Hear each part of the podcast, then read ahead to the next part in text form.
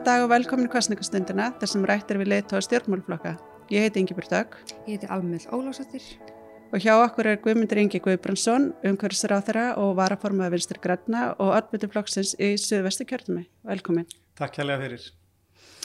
Uh, vinstri grænir mælast í nýjastu skoðanakönnun á fylgiflokka með 10,8% fylgi eða samkvæmt uh, skoðanakönnus MMR frá 3. september. Ég meina hvernig blasir þetta fylgi við þér? Já, við höfum verið að mælast svona reyndar alveg upp í 14 og rúmlega það núna á síðustu mánuðum. 10,8% fylgi finnst mér að sjálfsögðu ekki nóg. Eh, við stefnum auðvitað á, á, á það að fara herra og ég held að það sé mjög mikilvægt til þess að tryggja eh, þær áherslur sem við erum með að þær séu líklegri til þess að, að koma inn í landstjórnina. Þannig að ég held að við eigum heilmikið inni en það búin að skila á okkur ágætu búi í mjög mörgum málum þannig að við höldum bara áfram að láta í okkur heyra og tala við kjósendur því það er það sem að skipti máli í, í þessu. Mm -hmm. Er eitthvað ákveðið fylgir sem þið stefni á þá að því að nú er fylgi ykkar og með samfylgingunar og pýrata þetta er alltaf jafnast aðeins út hvað svo hátt þurfum við að ná þegar þið verið sátt? Já, það er alltaf erfitt að segja. Við náttúrulega voru með mjög góða útkomu sögulega fyrir Vafki síðast með nærið því 17% af fylgi. Það er mjög hátt í, í hérna, sögulegu samhengi fyrir Vafki. Þannig að við vonumst bara til þess að, að við verðum tölverð hærra en þetta og ég veit ekki hvað ég á að segja. 14-16% verður frábært og allt yfir því ennþá betra. Mm -hmm. En hvað skilur búið heldur þá að það sé verið að senda ykkur ef það er að mælast með svona mikið minna fylgi núna? Um, Við erum náttúrulega að mælast, við vorum að mælast með 12,8 í síðustu könnun held ég, eh, einhver könnun, ég held að það hafi verið prósent sem var með könnun sem síndi okkur í um 15%, þannig að ég ætla nú ekki að draga ómiklar áleiktanir af því að þessari könnun sem er að sína okkur í 10,8 en auðvitað þetta kemur alltaf við stjórnmálamenn þegar þeir sjá tölur sem þeim finnst of lágar. Eh, fyrir mig, það virkar þannig á mig að þá vil ég bara gera betur í því að segja frá því sem við höfum verið að gera og því sem við ætlum okkur að gera. Þannig að eh, ég ætla ekki að láta það slá mig út á læginu, heldur ebla mig. En sjáu þið hvert fylgið ykkar er að fara? Fyrst ykkur er að vera að fara til ákveðin að flokka? Það er náttúrulega verið að berjast um fylgið á vinstri vagnum eh, af mjög mörgum flokkum. Það er náttúrulega augljóslega sósialistar, samfylgingin og vinstri græn við erum svona þau sem erum kannski mest að berjast um, um þetta fylgi. Mm -hmm. En píratar, til við ekki með? Jú, ég held að þau séu líka að taka af að sjálfsögða vinstri vagnum en þau kannski er að höfða eh, til fleiri, fleiri abla heldur en, heldur en bara þar mm. sem, sem allir flokkarnir gera upp á einhverju marki en, en þetta er svona, og það verður rosalega áhugavert að sjá sko bara hvaða, hvað verður í bóða eftir kostningar, mhm. skiljið, og við gætum alveg lengt í því að það er því erfitt að mynda ríkistjórn, einfallega vegna þess að fylgið er að dreifast mikið og það er bara líðræðislegt, skiljið, bara þá er það bara verkefni að koma saman starfhæfri, starfhæfri ríkistjórn og uh, maður vonast náttúrulega bara til þess að, að við í Vafki getum verið í þeirri aðstöðu að verða leiðandi í stjórnarmynduna viðraðum með fósættisráþurra sem við erum búin að vera með núna í fjögur ár í brúni. Já, það hefur svona komið í ljós að þið hafa talað þeim nótum að þið vilja helst halda áfram í þessari ríkistjórn. Já, við höfum nú sagt og það hefur verið alveg skýrt að við viljum vinna með þeim sem eru til í að koma eh, og taka okkar stefnumál, okkar helstu stefnumál og lifta þeim upp. Það hefur verið alveg skýrt frá upphafi. Eh, ef að það eru þeir flokkar sem við vinnum með núna þá skoðum við það.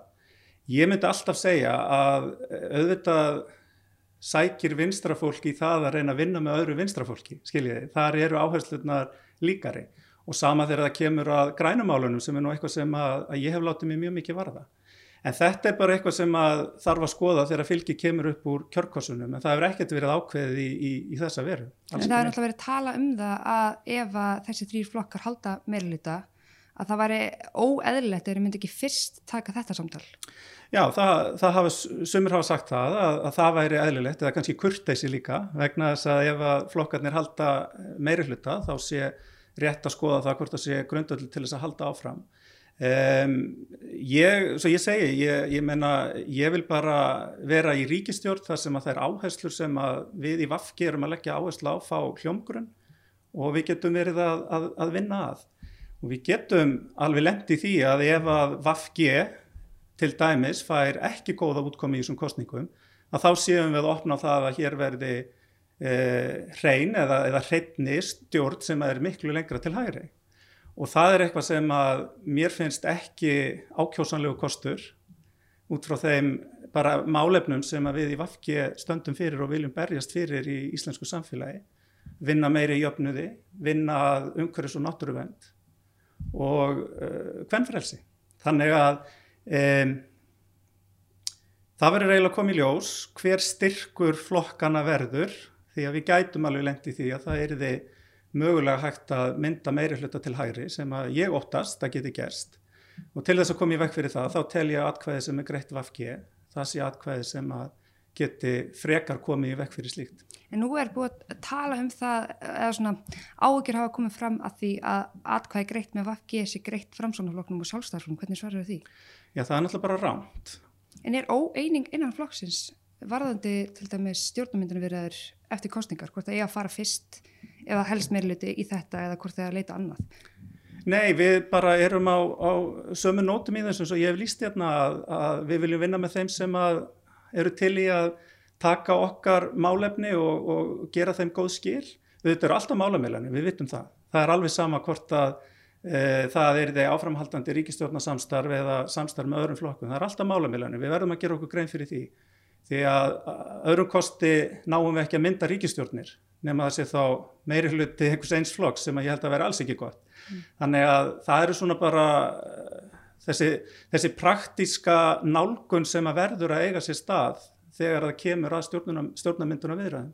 Mm. En hvað er liggja mörgin? Hvað væri þið ekki tilbúin til að gefa eftir til þess að við held að, sagt, til að eiga sæti í ríkistur? Já, ég get nefnt sem dæmi að við setjum náttúrulega lofslagsmálin uh, mjög hátt á okkar, okkar dagskrá mm. og þar viljum við ná enn meiri árangri heldur en að við höfum verið að ná á þessu kjörtímabili og við ræðum kannski umhverju smálinn betur og eftir ég ætla að fara svona bara örstuðt yfir hver, hver eru helstu atriðin um, Náttúruvendin, það er eitthvað sem við höfum verið að vinna mjög mikið í.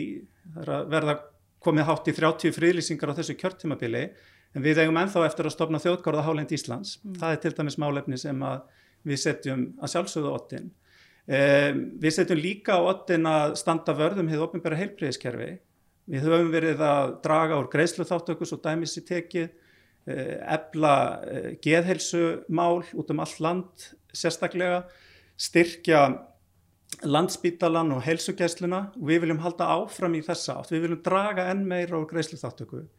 Eh, ég get nefnt líka að við viljum stíga starri skref heldur en hafa verið gerð í málefnum öryrkja sem að þar sem að við erum að horfa á kjara gliðnun á síðustu 14 árum eða við getum, já 15 árum, 10-15 árum þar sem að hefur dreyið á milli e, þeirra sem að eru á örörskulíferi og þeirra sem að eru til dæmis á atvinnuleysisbótum. Við hækkuðum atvinnuleysisbætuna talsveit mikið á þessu kjörtímabili, dróum og skerðingum e, fyrir þau sem eru að vinna og eru öryrkjar en það er ennþá Eh, of mikill munur á milli þess sem að, að fólk sem á við örorkastríða og fólk sem er á legstur launum og atvinnulösisbótum er að fá og það er til dæmis gatt sem að okkur finnst að þurfi að, að brúa nú, svo ég nefni eitthvað. Já, ég skilji, en nú er ég kannski meira, meira að spyrja úti hvað er það alls ekki tilbúin til að samþekja?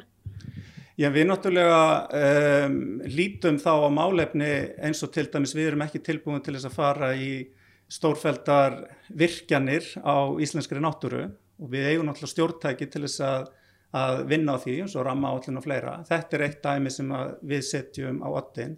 Nú annað er að við hefum lagt mikla áherslu á að útrýma kynbundnu ofbeldi. Ég held að sé engin að fara að mæla gegn því sem betur fer. Þá er þetta kannski ekki málamilunar? Það er ekki, nei vonandi ekki. Það er meira, ég held að sé allir sammála um það.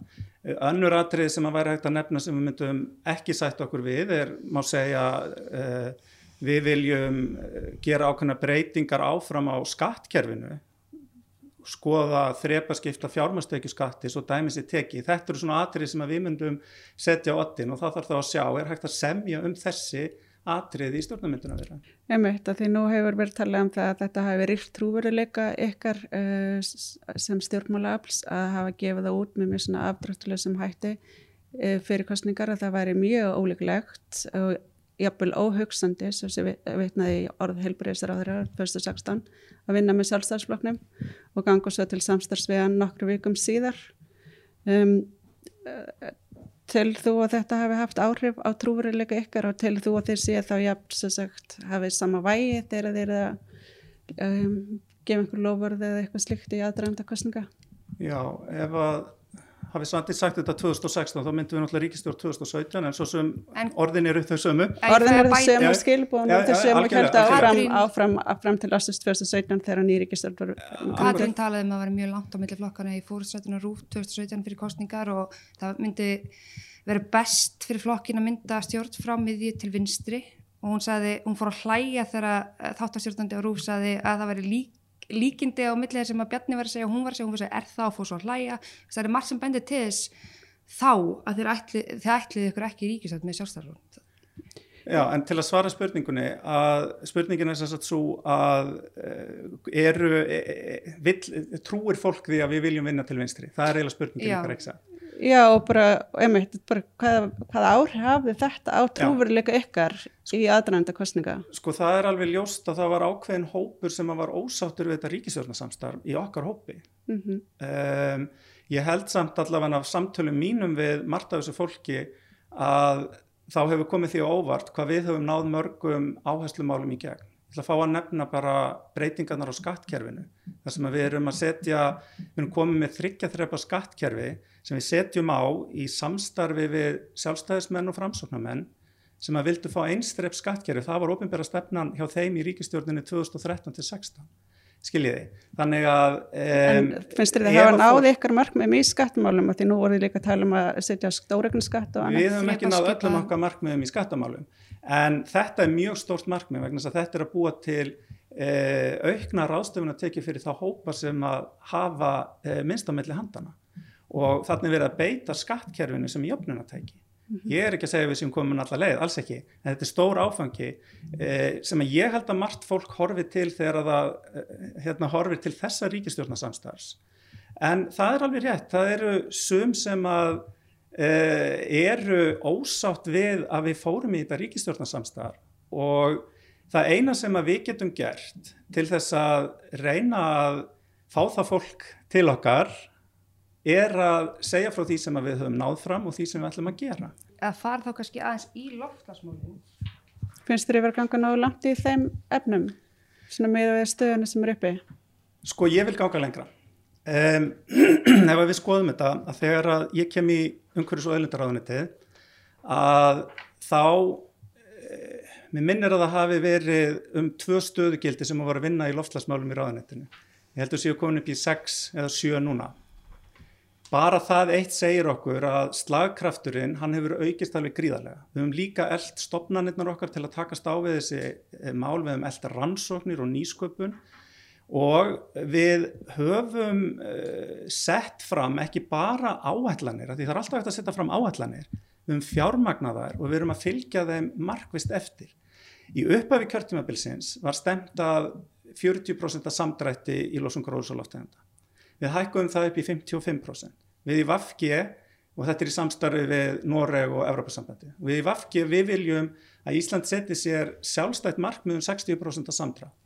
Og ég heyr ekki annað á umræðinni hjá hinum flokkunum að lofslagsmálinn, og þið getið ekki trúið því hvað ég er gladur sem er búin að vera í þessum málum í 20 ár og oft fundist maður vera einhvern veginn, um, hvað maður að segja, að, að hérna, uh, hvað er orðatiltækið, að slá höfðinu við steinin. Vegna þess að það hefur ekki verið áhugi, það hefur verið allt og lítið hlusta og við erum komin þangað núna að eiginlega allir stjórnmálaflokkarnir, þeir eru með lofslagsmálin á, á sinni dagskrá. Þér- og margir bara, finnst þér að vera ykkur að þakka? Nei, nei, nei, ég er ekki endilega að þakka okkur það, við höfum sjálfsagt eitthvað hluti í því með því að hafa verið unnið öttulega á þessu kjörtímabila þessu, en ég hef sagt það margóft að ég held að líkillin að því að þetta gerðist eh, er Greta Thunberg og allt unga fólki út um allan heim sem að reysu upp. vegna þess að ég fann bara breytingunin á þingi í umræðum, hvernig hún diffkaði, varð af meiri þekkingu og hvernig áhægin jógst á því og aðhaldið á mig sem umhverfisráð þeirra og gaggrinin á mig sem umhverfisráð þeirra í lofslagsmálum, hún jógst í réttu hlutfelli, skiljiði, mm. og það er bara jákvægt, vegna þess að ég held að þetta sé svo málaflokkur sem að við Íslendingar eigum að gera ennþá betur og við eigum að vera leiðandi, þá að vera okkar sín að leiða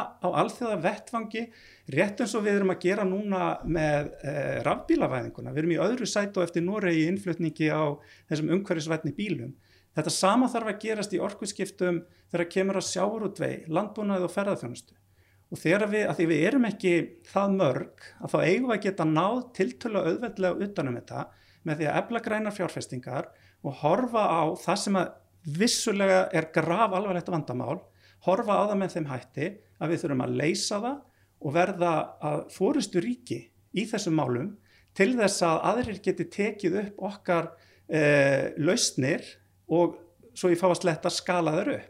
Gott dæmi er kartfylgsverkefni sem að þið hérna, þekkið örugla þar sem er verið að dæla kolltísýringi í berg og gæti orðið ein af lausnunum í lofslagsmálunum þó sem sé alls ekki svo eina. Hafið náðu nægum árangri í landbúnaðu sjáurðu? Nei, að mínum að þið höfum ekki náðu nægum árangri þar. Um, Hver ástæðan? Já, ástæðan er meðal annars svo að þetta, það, það, það vantar náttúrulega frekari tæknilausnir til dæmis í sjávarútvegi þó svo við séum að færastanga mjög hratt. Uh, í landbúnaðinum að þá tel ég að við eigum að geta náð meiri árangri til dæmis í því að dragur losum frá landi.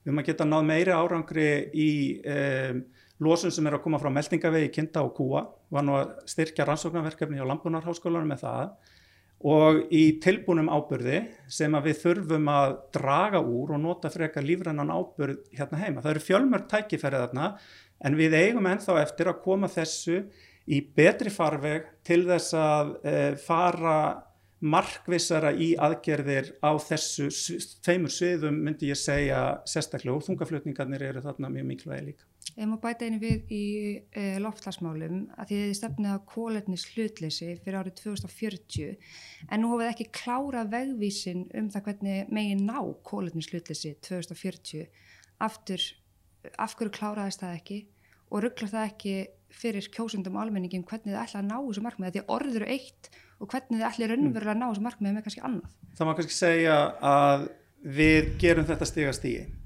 og fyrir mér er það risastór áfangi að alþingi hafi lögfest að kólefni slutleysi skuli ná eigi síðan en 2040. Það er stór áfangi.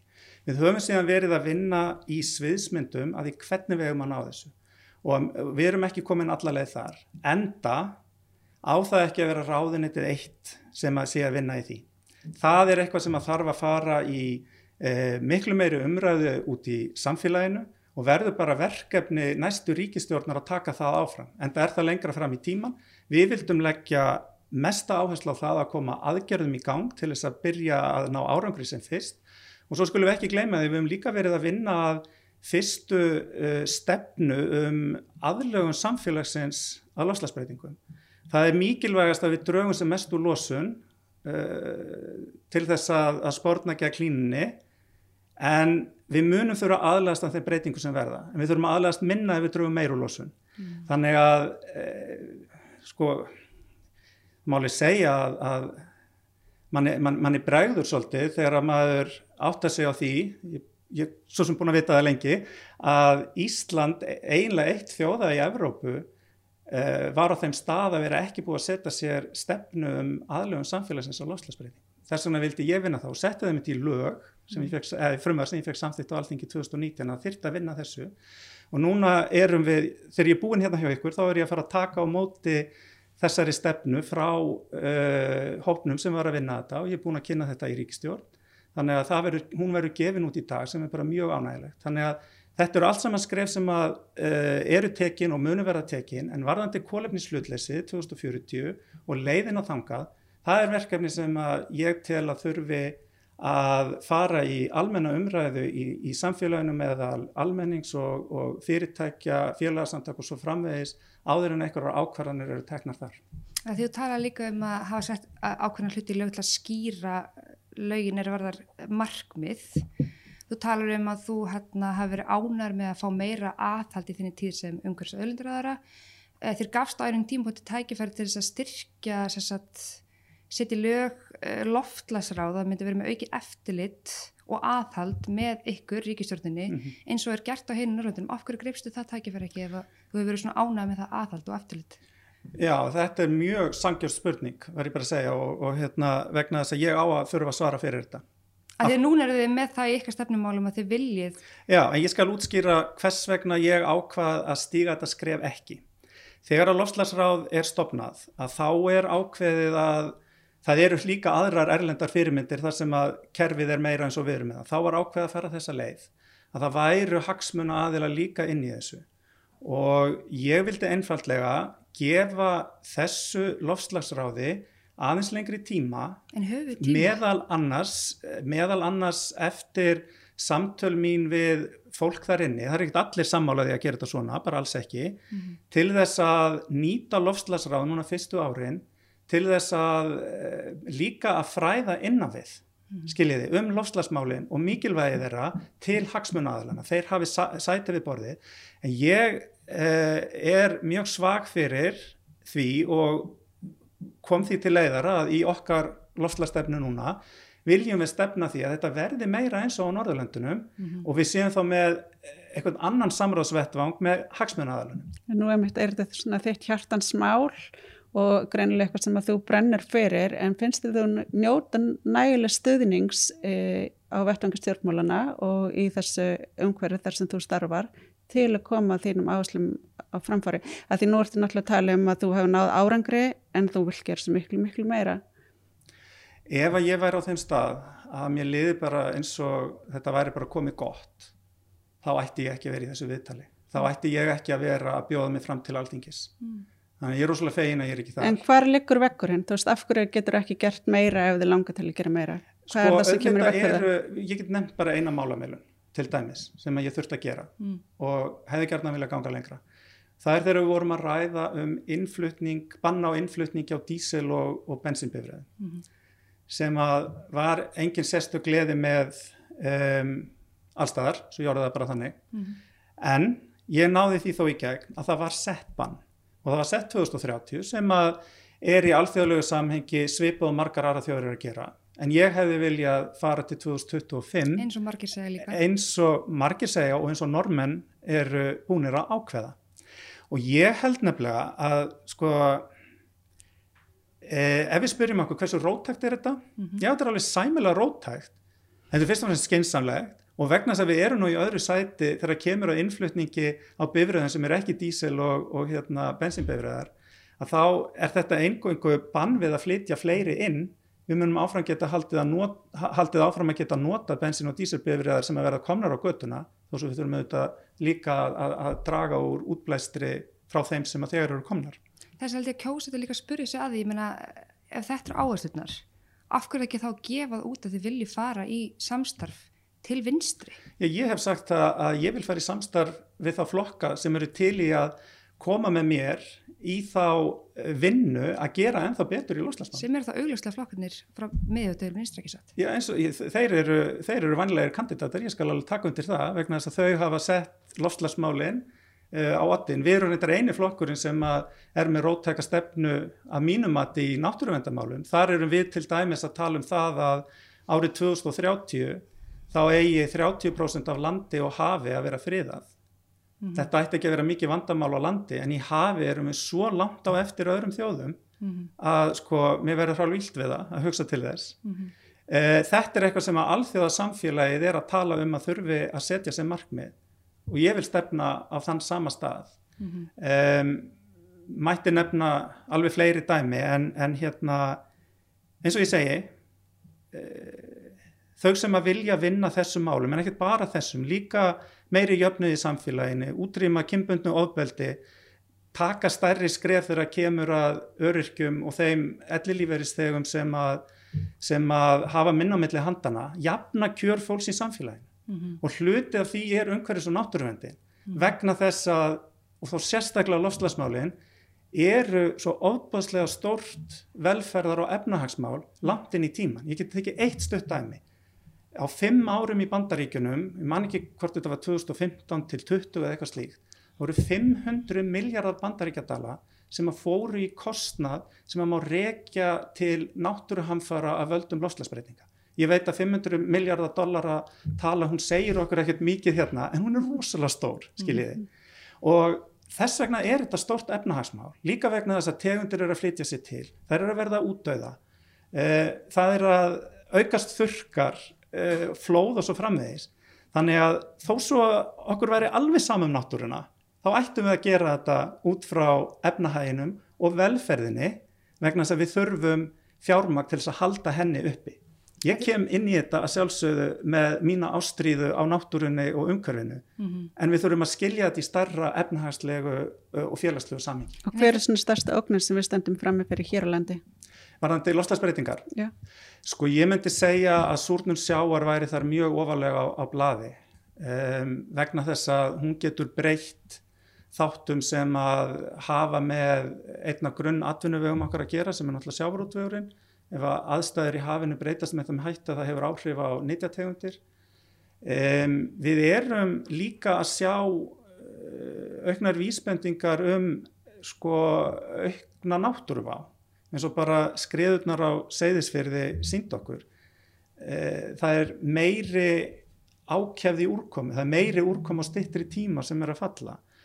Þetta eru atriði sem ég held að munu koma meira inn á ratar stjórnmálana og, og, og stjórnkerfisins á næstu árum og þannig er að því að ég var að tala um aðlöfunastefnuna áðan hún er ofbúslega mikilvæg til þess að ná utan um þetta og eitt af markmiðunum sem við erum að setja fram það er lítur að náttúru á annaða skiplagsmálum skiljiði Eh, hafinu og svo framvegis og framvegis. Þú finnir svo fyrir kostninga 2017 ef við skoðum bara málefni hann bók sjálfstæðisflóksis þá segja þér beinum orðin við erum að standa okkur rosalega vel í loftlagsmálum en við þurfum bara að gera aðeins betur og sama á við um uh, stefnir þeirra núna þeir tala alltaf um að þið sé að gera vel við séum og góðum stað þeir þurfum bara að gera aðeins betur. Ég meina hvernig samræmi stefna vinstur græna við sjálfstæðisflóki í þessum málum? Sko við erum augljóslega með róttakari stefnu mm -hmm. en það höfum við dreigið vagnin. En eru þeir ekki dragan tilbaka? Ég vil nú menna að við höfum haft mjög mikil áhrif á það hvert hann við dreyin. Ég nefndi hérna eitt dæmi á þann sem að ég hefði viljað ganga lengra. Mm -hmm. Svo við bara tökum mm -hmm. eitt konkrétt dæmi. Mm -hmm. um, ég er hins vegar bara alltaf að leifa mér að vera ánæða með það að stjórnmálaflokkar á Íslandi mhm. séu flestir komni með þetta á dasgrá. Það þýðir það að við sem að viljum gera meira og viljum gera enþá betur mhm. að við höfum auðveldara með að gera það. Mhm. Og um, Mér finnst þetta mjög áhugavert bara svona í stjórnmálaumræðinni að flokkarnir eru að nálgast þetta, eru að máta sig betur við lofslagsbreytinga, hvernig stemma þær og, og, og hérna við svona grundvallar stefnur flokkana og það er alveg hægt að lesa skiljiði eh, svolítið hvernig flokkarnir eru að, að gera það.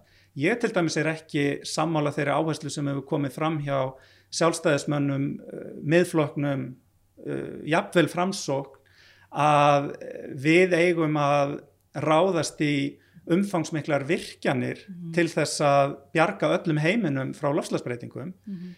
Við í Vafki erum þeirra skoðunar að e, orgu nýting á Íslandi sem verður í framtíðinu, þar að segja fleiri virkjanir, eiga að vera í þáu, græna fjárfestinga og orgu skipta hér innanlands skiljiði. Mm -hmm. Við byrjum á því áður en við fyrirum að huga að einhverju öðru. En ef við höldum okkur náttúruna, hvað gerðist með miðhálundistöðgarinn?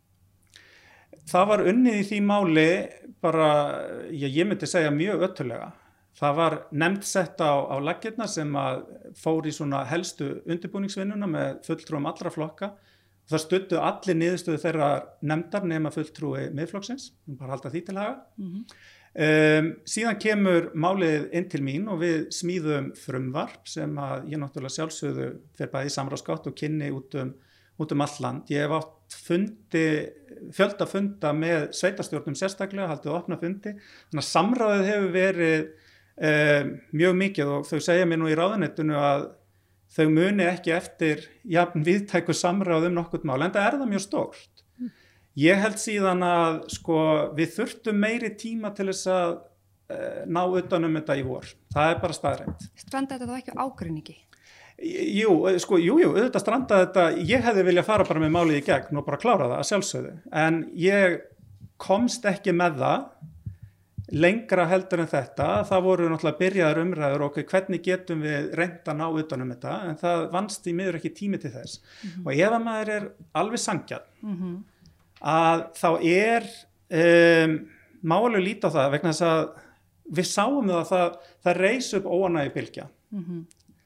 um, ég vil mjög gjarnan ná betur utanum það, ná meiri sáttum þetta og er náttúrulega þegar farin að tala til dæmis við sveitafjölög sumstaðar og reyna að finna lausnir og svo framvegis mm -hmm. þannig að ég er ég er samfærður um það að hálendistökar eru til mm -hmm. vonandi bara sem allra allra fyrst en við þurfum meiri tíma í þetta stóra verkefni og það er bara allt í lagi En er þetta ekki dæmi mál sem strandar emmitt í svona samstæði þessar ekki flokka? Jú, jú, það strandaði. Ég hef hérna, ekkert verið feimin að segja það. Þannig er það bara. Þess uh, að ég segi, ég held að við þurft, hefðum þurft meiri tíma en það máli mjög stórt. En það þýðir ekki að við höldum náttúrulega bara áfram með þetta. Við komum þessu bara á koppin. En við tölum um ólíuleita á dregasvæðinu. Það uh, frumvarp fór aftur til ríkistjórnarinnar. Já, því var vísa til ríkistjórnarinnar, já. Og það strandaði þá að einhverju liti þannig. Ég meina, myndur ekki tellja að það hafi strandað? Sko þetta er frumvar sem var lagt fram. Ég, ég stið það að við höfum að banna ólíuleit og ólíuvinnslu uh, í íslenskra efnæðarslöksu. En það var niðurstaðan að það þyrti að vísa þessu inn í stjórnkerfi til þess að fara í gegnum með hvað hætti best verið að gera þetta. Mm. Þess vegna fór það til ríkistjórnar og því er síðan beint til uh, þessar áþöra sem fer með orkumál og reyndar í samstarfi við umhverfis og öðlindaræðanetti. Þannig að, að hérna, ég ætla að lefa mér að vera bjassið með það að eh, vonandi getur við stíið skref og, og bara helst bannað ólíuleit á næsta kjörtjöfnfili. Hefði þetta ekki verið kjöru tækifæri til þess? Það er alveg hægt að segja að þetta hafi verið tækifæri sem að væri kjörið en niðurstöðan var samt svo að beina því inn í stjórnkerfi til þess að stjórnkerfi gæti farið í eh, mat og greiningar á því með hvað hægt er best að gera þetta. Mm -hmm. En við getum líka tókast endalust á um það hvort það hafi verið betra að gera það núna eða að láta stjórnkerfi framkvæmdavaldi eh, koma, koma inn í það.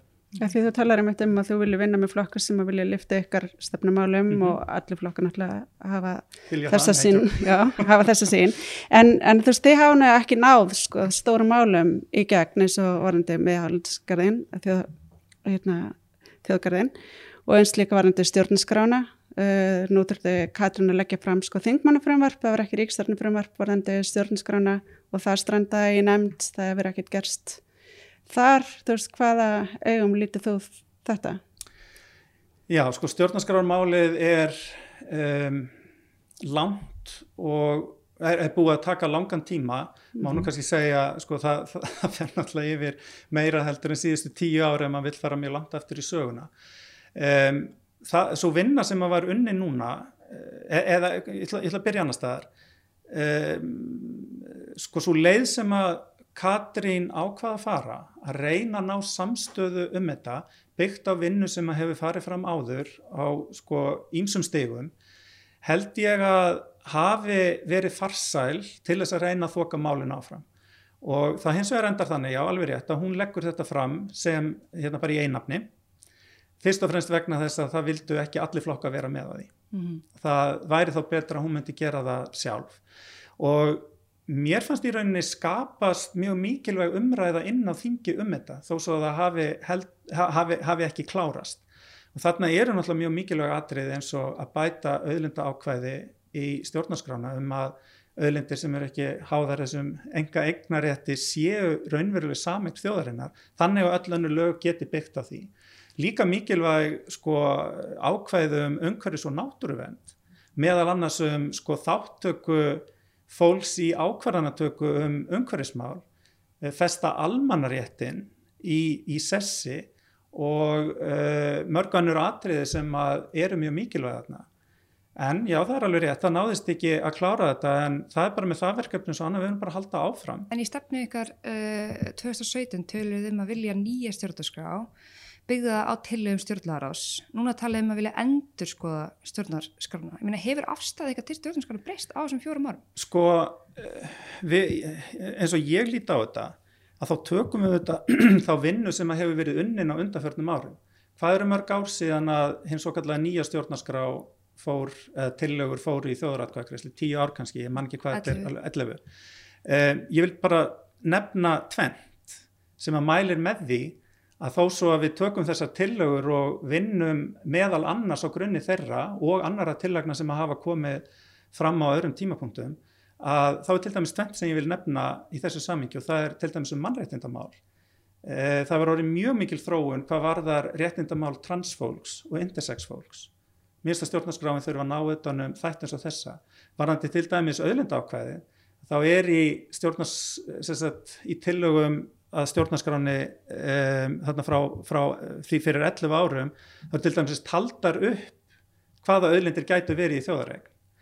Þar var breyting á í, í hérna, þessari vinnu sem að Katrín og félagar fóru í að hafa það opið einmitt vegna þess að stjórnarskráin á að geta gilt í langan tíma og bara á þessum tíma að þá erum við farin að hugsa um vind sem auðlind sem við mögulega getum nýtt að hún ekki að vera í samveg þjóðarinnar. Ég vil nefna uh, basalt, berglög, tengslum við lofslagsbreytingar sem að Carbfix-verkefnið er að nýta sér til þess að dæla koltvísýringi ofan í. Er þetta ekki líka eitthvað sem á að vera í samveg þjóðarinnar? Skiljiði mig. Þannig að það sem að ég er að reyna að segja er það, það er eðlilegt að byggja, að hluta til á þeim tillögum sem að hafa komið fram áður, en að horfa á það í því samingi að við séum að, að eh, hvað við segja, uppfæra það sem að áður hefur verið gert. Þannig að afstæðan eitthvað er breyst frá því að vilja nýja stjórnarskrá eins og uh, stjórnlarátt gerði tillegur um í það breytin í pörtum þá inn í framtíðin. Já, það já, ég meina það er, það er svo stefna sem Katrín lagði fram var, heyrðu við skulum hérna reyna að klára þetta átta árum og skipta verkefninu til þess að ná frekar utanuna. En nú hafi við verið með heilbreyðsraðniti í fjör ár. Hvernig hefur ykkur tekist að standa verðum heilbreyðskerfi? Í grundvallaratriðum uh, myndi ég segja vel en þar eru líka rísavaksin verkefni framöndan. Kanski það mikilvægasta sem hefur gæst á þessu kjörtímabili er að það hefur verið dreyið úr greiðslu þáttöku sjúklinga og það var byrjað að afnema komugjöld fyrir ellilíferistega og öryrkja. Það var dreyið úr kostnaði við tannlækningar þessara hópa og síðan var lækkað fyrir okkur öll komugjöldin í helsukesslunni það eru 500 krónur núna, með minn er það hafi verið í 1400 er það 700 núna? 700, 500, já, já nei, nei það, það, var, það var herra áður sko. Mm -hmm. það var bara þessi breyting var núna sennilega 700 í 500 ja, en allavega uh, það skiptir mjög miklu máli. Um, við vitum öll að geðheilbreyðismál eru eitthvað sem er eitt af okkar stærstu áskorunum í samfélagin í dag og þar hefur Svandís lagt inn bæði aukið fjármagn en líka um, hefur orðið svona svo breyting að reyna að búa til teimi, geðhelbriðist teimi út um all land, fjölgað sálfræðingum um, inn í kerfinu og að mínum að þá þarf aðgengja þessari þjónustu að vera eins fljótt og hægt er til þess að lámarka neikvæð áhrif af geðhelbrísmál, þetta er bara eins og með forvarnir, þetta er forvarnastarf í rauninni mm. að svo miklu leiti. Um, ég geti uh, nefnt fleiri atriði, náttúrulega þetta aukna fjármaks sem hefur komið inn, ég er ekki að segja þetta sé nóg, mm.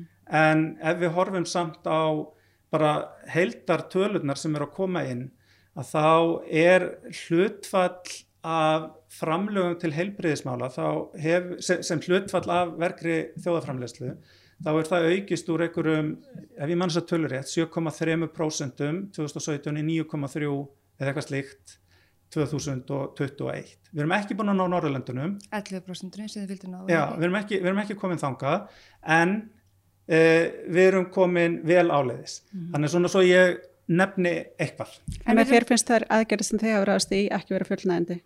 Hvað segir þau? Þannig að þér finnst aðgerðinar ekki verið fullnægandi? Við þurfum að gera meira í helbriðismálum að sjálfsögðu Eh, eitt stort verkefni til dæmis sem að snýra eldriborgurum og í rauninni það er, það er sko viðfangsefni sem að e, mun taka meira og meira pláss á næstu árum að því að þjóðin er eldast og þar þarf fyrst og fremst að auka fjölbreytnina í þeim um, sagt, möguleikum sem að ummönnun aldraðra þarf að geta tekið á við þurfum að geta aukið tækifæri fólks til þess að eldast heima hjá sér. Mm. Í dag er þetta of mikið þannig að ef þú veikist, ferðin á sjúkrahús, að þá áttu stundum ekki aftur kvænt heim og þú fer beintin á hjúgrunarheimili. Mm. Það er líka dýrt að byggja hjúgrunarheimili. Við að, höfum verið að lenda í því að það vantar hjúgrunarheimili og það verið áttak í því, en ég held að við þurfum svolítið að nálgast kerfið heildstætt með því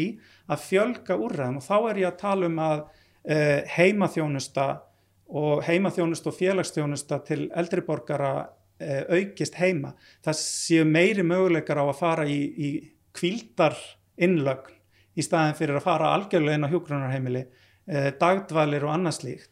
Og ef við horfum á til dæmis hvernig Danir hafa gert þetta, þá hefur þetta gengið mjög vel. Ég held þetta spari líka peninga í helbriðiskerfinu, þannig að þangað eigum við að stefna, svo ég nefni eitt dæmum það sem ég held að við þurfum að halda áfram að, að gera varandi helbriðismann. Við tökum bara svona stóra punta, ég meina við sáum hvernig fórum við landakotspítala í COVID-faraldunum, að hann var búið að veikja þann spítala of mikið, þannig að veiran fekk að ganga þannig yfir. Við erum að sjá spítalar sem að lækna lýsa því að, að vinna aðstæðir séu svo hamfara svæði. Við erum að tala um uh, bráðumóttöku sem að á einhverjum tímpundum þeir hafa talað um að geta orðið lömuð uh, út af skorti á mannabla, peningum og, og þarfram til gödunum. Ég meina, sko, nú er þró, þróunin orðin þannig að sjálfstæðarsvöldurinn vil koma fram með einhvers konar tvöfalt heilbreyðiskerfi. Hvernig ætlir að standa vörðum það þessa ásokn í engavæðingu í heilbreyðiskerfinu áfram? Bara mjög gott að þú kemur inn á þetta ég held að það sé líkilatrið að Vafki getur verið í ríkistjórn til þess að standa verðum með ofinbæra heilbreyðiskerfi og af því að þú ert að nefna þætti sem að snúa að, að e, húsnæði þá er náttúrulega hafinn bygginga á nýjum landsbítala það er eitthvað sem að gerist hjá þessari ríkistjórn það er, fara... það er búið að rífast um þetta hvað er lengi?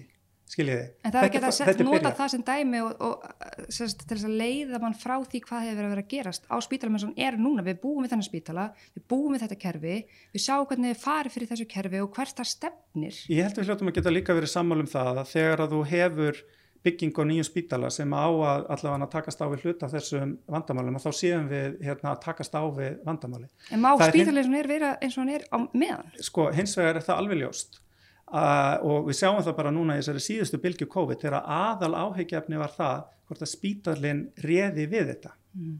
það var aðal áhyggjafni og um, það var gripið til úrræða til þess að aðstóða spítalan við það að uh, standast þetta áhlaup sem að kom í þessari fjórðu bylgu til dæmis með því að auka hágæslurími, fjölga gjörgæslurímum og svo framvegis. Eitt af því sem að helbriðis uh, hérna kerfi stendur líka frammi fyrir er mannekla mm -hmm. og uh, við eh, Sandi sett í gangi, ég man ekki hvort það er árið eða eitt og halvt síðan, sérstaklega áætlunum það að ráðast í að, að um, meta hvar vantar helst fólk og það er sérstök nefnd sem að fjallar um þau mál. Við erum, það er búið að, þegar ég var í háskóla mann ég að þetta voru eitthvað millir 30 og 40 mann sem að fóru inn í læknadeil það er verið að fjölga það held ég upp í 60 núna. En Það er einmitt það sem lækt að þið tala um eru sambráðsvettvangar, nefndir og svo ger, og vantar já, aðgerðir. Ég er að tala um það, mm. það er til dæmis búið að setja þá var að fjölga þeim sem að er að geta menta sig mm. sem er mjög mikilvægt aðtriði sko og sviðan á náttúrulega land eins og Ísland. Ég menna við erum ekki við erum ekkert mjög fjölmenn eins og við vitum. Mm -hmm.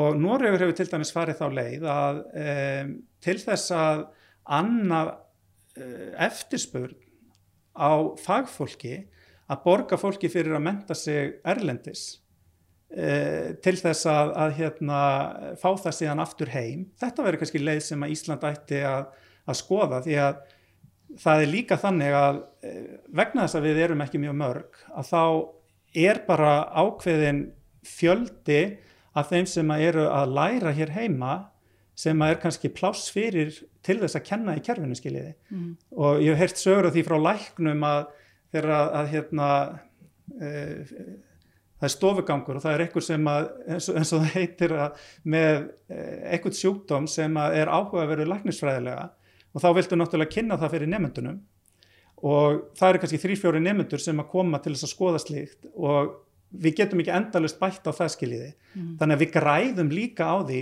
að fólk menti sig erlendis. Og ég heldur þetta svona almennt séð að þá uh, hafi Ísland grætt á því ekki bara sem að snýra helbreyðistarsmunum heldur þekki ég þetta bara úr mínu fæi, lífræði og umhverfisfræði að það að fólk hafi farið til útlanda til þess að fá mentun og kemur heim með mismunandi ströyma og stefnur, það gerir okkar litla samfélagi óbúslega gott. En læknar á að tala um að vilja ekki koma snúið tilbaka til Íslands vegna þess hvernig kerfið er ástætt? Já, er, við höfum stígin mjög mikilvæg að skrifa þessi kjörtímabili átt að því að bæta þetta kerfið þó svo það sé ekki árið fullkomið.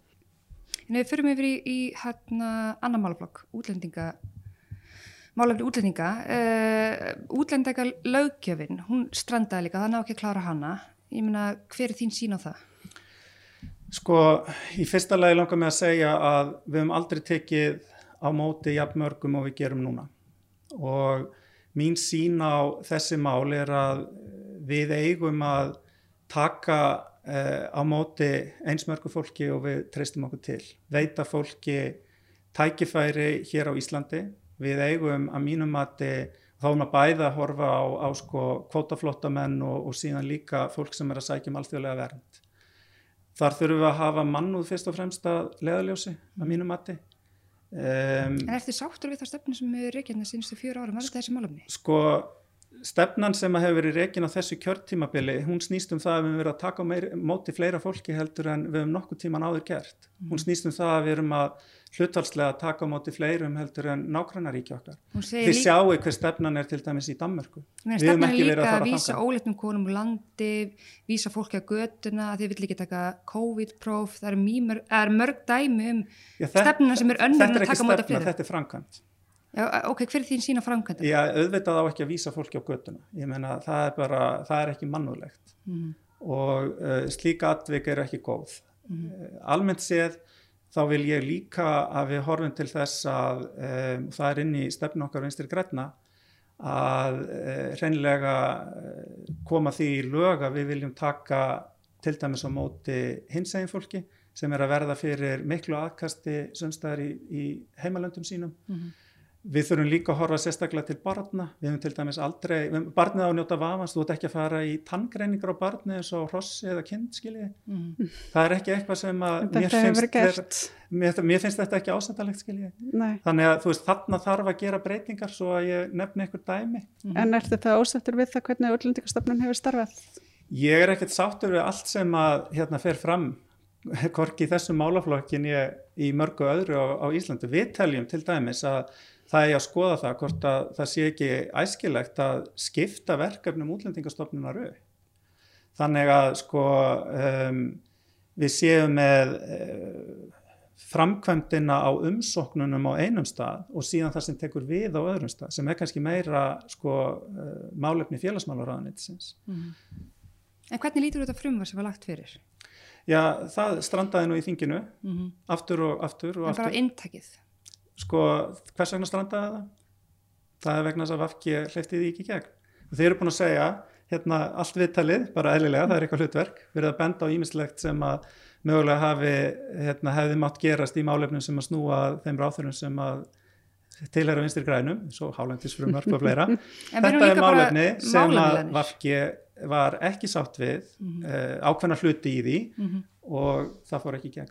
Og hver er svona hérna, þín sína það, núna er einnaði stefniskra á vinsturgræna að, að Ísland eigi að vera herlust og það er áherslu á að Ísland segi svo NATO um, Forsættisræðara hefur einhvers þegar verið að taka þátt í leitafundum um, NATO og setið þar á, fyrir á myndum með eitna, Donald Trump og Orban og Erdogan hvað finnst þér um þetta? Já því að nefnir þessar myndir þá held ég að það hafi nú verið auglast af mörgum myndana að, að hérna um, tilefnið að það að vera fulltrú í Íslands á NATO-fundi hafi kannski verið eitthvað sem að, að fósettisráð þeirra eh, tók alvarlega sem fósettisráð þeirra þó svo að stefna vinstri græna sé að vera ekki í NATO. Ef að Katrín sem fósettisráð þeirra sem uh, eh, aðstegi ráðamæðu þjóðarinnar tekur ekki þátt í uh, fundum fyrir hönd Íslands eins og þessum að þá má alveg spurja sig er hún að sinna sínum embætskildum mm og í staðin uh, þá notaði hún tækifærið til þess að tala um málefni friðar og afvapnunar mm þannig að við skulum ekki gleyma því að hún nýtti sér líka þá það að hún þurfti að fara á þessa fundi eða mata svo að hún sem embættismadur, sem fórsættisrátt þeirra, þyrti að fara á þessa fundi, mm. að hún nýtti þá til þess að koma á, á, sjóna, á, á framfæri sjónamöðum sem að ég held að ansi oft heyrist ekki þar. En lítið þú sá að hún hafi ekki val? Auðvitað getur ráð þeirra ákveð að fara ekki. Ég menna, þið vitið, hins vegar ráð þeirra sem að vill sinna sínum embættiskildum fer En hvaða áhrif hefur það á trúverðuleika ykkar? Ég held, að, ég held að það hafi verið alveg kristaltært að framistaða Katrínar á þessum fundum var með þeim hætti að hún var að, að hérna, tala fyrir fríðarstefnu og afvapnum og ég held að það sé bara mjög gott að það heyrist inn í þennan, þennan NATO-klub. Þannig að þetta er málaflokkur sem þeir eru tilbúin að gera málamilinu í? Uh, við settum það ekki sem skilir það gangu NATO þegar við stopnum síðustu ríkistjórn, nei. Mm -hmm. Við erum eini flokkurinn sem að vill gangu NATO. Mm -hmm. Það er erfitt fyrir okkur að vera ríkistjórn, alveg sama hvar hún er ef við myndum setja þetta sem grundvallar skilirði. En nú fengum við tækifæri til þess að koma sjóna með um að framfæri við aðra þjóðarleittoga sem að eru í NATO og það gerði Katrín að stakri eh, eða, eða gerði hún mjög vel. Einmitt. Og nú erum við að tala um líka þessum ál sem að hafa verið mjög svona fyrirfæri mikil í eitthvað stefnu og var það eitthvað trúveruleika.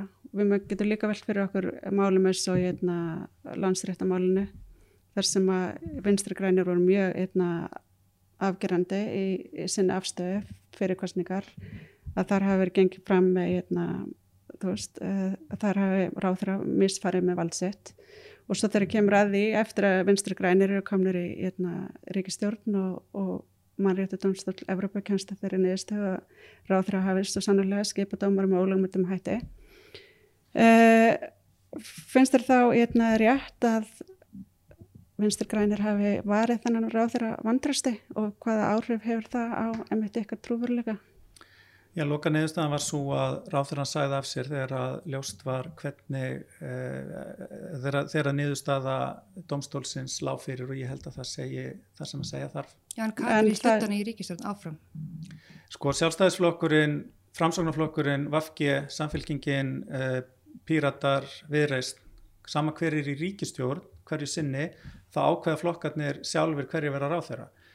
Ég menna, Katrín valdi mig sem ráþæra utan þings sennilega haft eitthvað að trúa mér skiljiði, ég er ekkert endilega vissum að það hafi allir þingmenn sjálfstæðisflokksins eða framsóknarflokksins verið ánæðið með það að fá hérna, framkvæmdastjóra landvendar inn í þetta starf sko. Það er kannski annað að skipa ennbætti og annað að hérna, þegar ráðræði hefur orðið vísum eitthvað sem hann ætti að segja af sér vegna að styðja það að styðja það ekki sér ekki munum þar? Jú, sko segðu til uh, þú ert að tala um að verja ríkistjórnina uh, vantröst eða þessast ráþarann mm -hmm. Já, ef að við hefðum ekki gert það, þá hefði náttúrulega bara ríkistjórnin sprungið. Af hverju?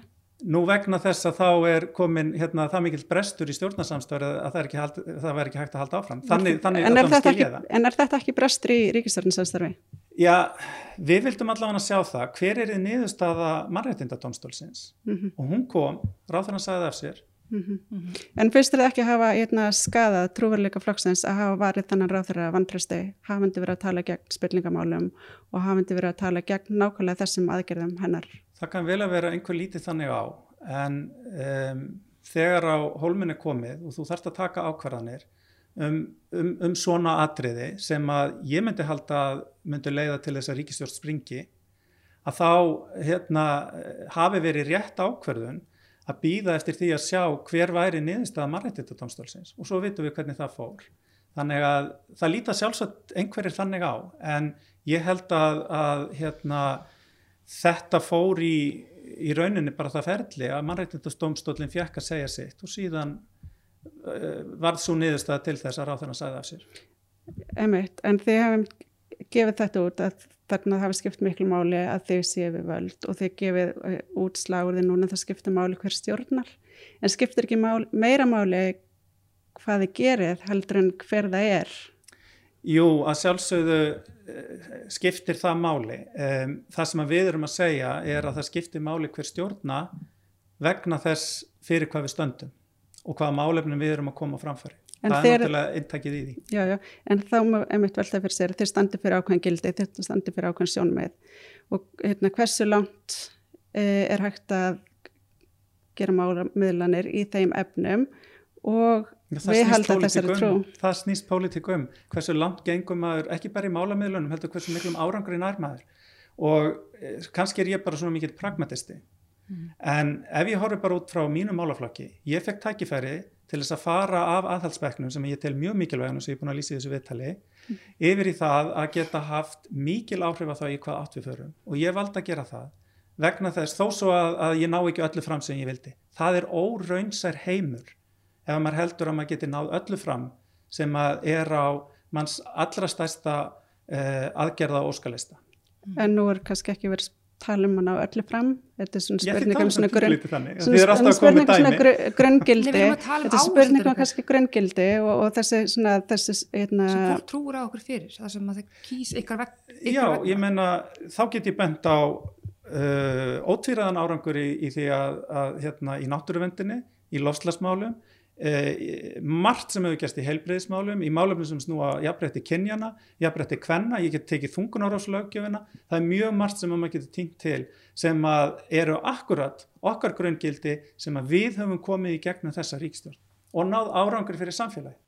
nú hefur komið upp fleiri mál til dæmis samherjamálið og það hefur farið fram aðtögun á hæfi Kristján Stórs Júliusinnar sjáurautusræðara í ljósið mikill tengsla hans við uh, þetta fyrirtæki finnst þér rétt að hans er á þeirra? Já, nú hérna getur maður sagt hann er að hætta en það er svo sem svarar ekki spurningunni, Nei. ég skal ekki snúa út úr. Eh, það er eitthvað sem að hann mat svo að, að hann ætti ekki að gera. Um, þetta er alltaf spurning fyrir hvern og einn að reyna að meta hæfi sitt og uh, það er það sem við þurfum að gera þegar við erum í þessu starfi. Ég hef stundum metið hæfi mitt þannig að ég sé vanhæfur í ákveðnum málum. Um, ef ég mann rétt þá sagði Kristján Þór að ef inn á borðans kæmi mál sem að snerti samherja beint Mm að þá myndi hann ekki sagt, taka ákvarðan sem snýra því. Auðvitað er þetta svolítið flóki vegna þess að samherji er rosalega stórt fyrirtæki í íslensku sjávarútvegi, skiljiði. En um, allavega hana, já ég veit ekki hvað hva ég skal segja, Ha- hann er hérna, uh, taldi það að hans störf og, og þessar tengingar sem að þarna eru væri ekki að hafa áhrif á hans störf vegna þess að það væri ekki sérstök mál að koma inn á hans borð. Þannig að þér finnst þetta að vera svona persónuleikt mat hvers og eins Já sko, ef við tökum þetta tæknilega þá er matið, það, það, það gerist hjá, hjá hverjum á einu.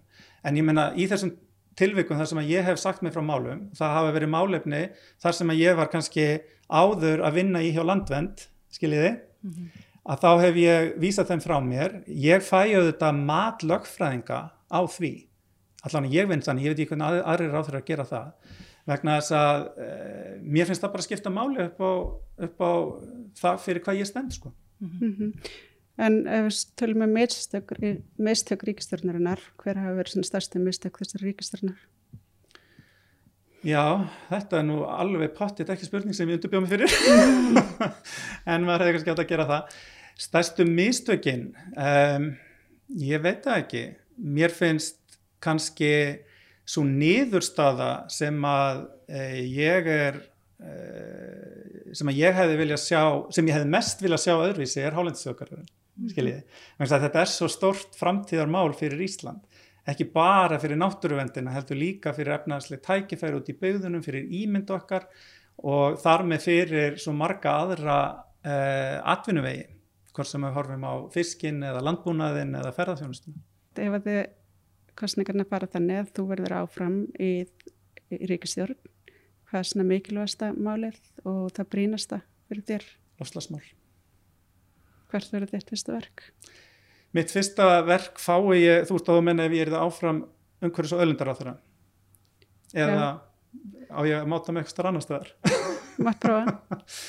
Sko, ég held að vegna þess að ég nefni lofslagsmál sem mikilvægasta máli og ég er búin að útskýra af hverju, stærsta velferðar og efnahagsmál 2001. aldarinnar, að þá sé e, mikilvægast að takast á við þá losun sem er að eiga sér stað í atvinnugerunum. Þannig að það þýðir að það þarf að stíga stórskref frá fyrsta degi í orkuskiptum í sjárótu, landbúnaði, ferðarþjónustu, byggingaræðinaði.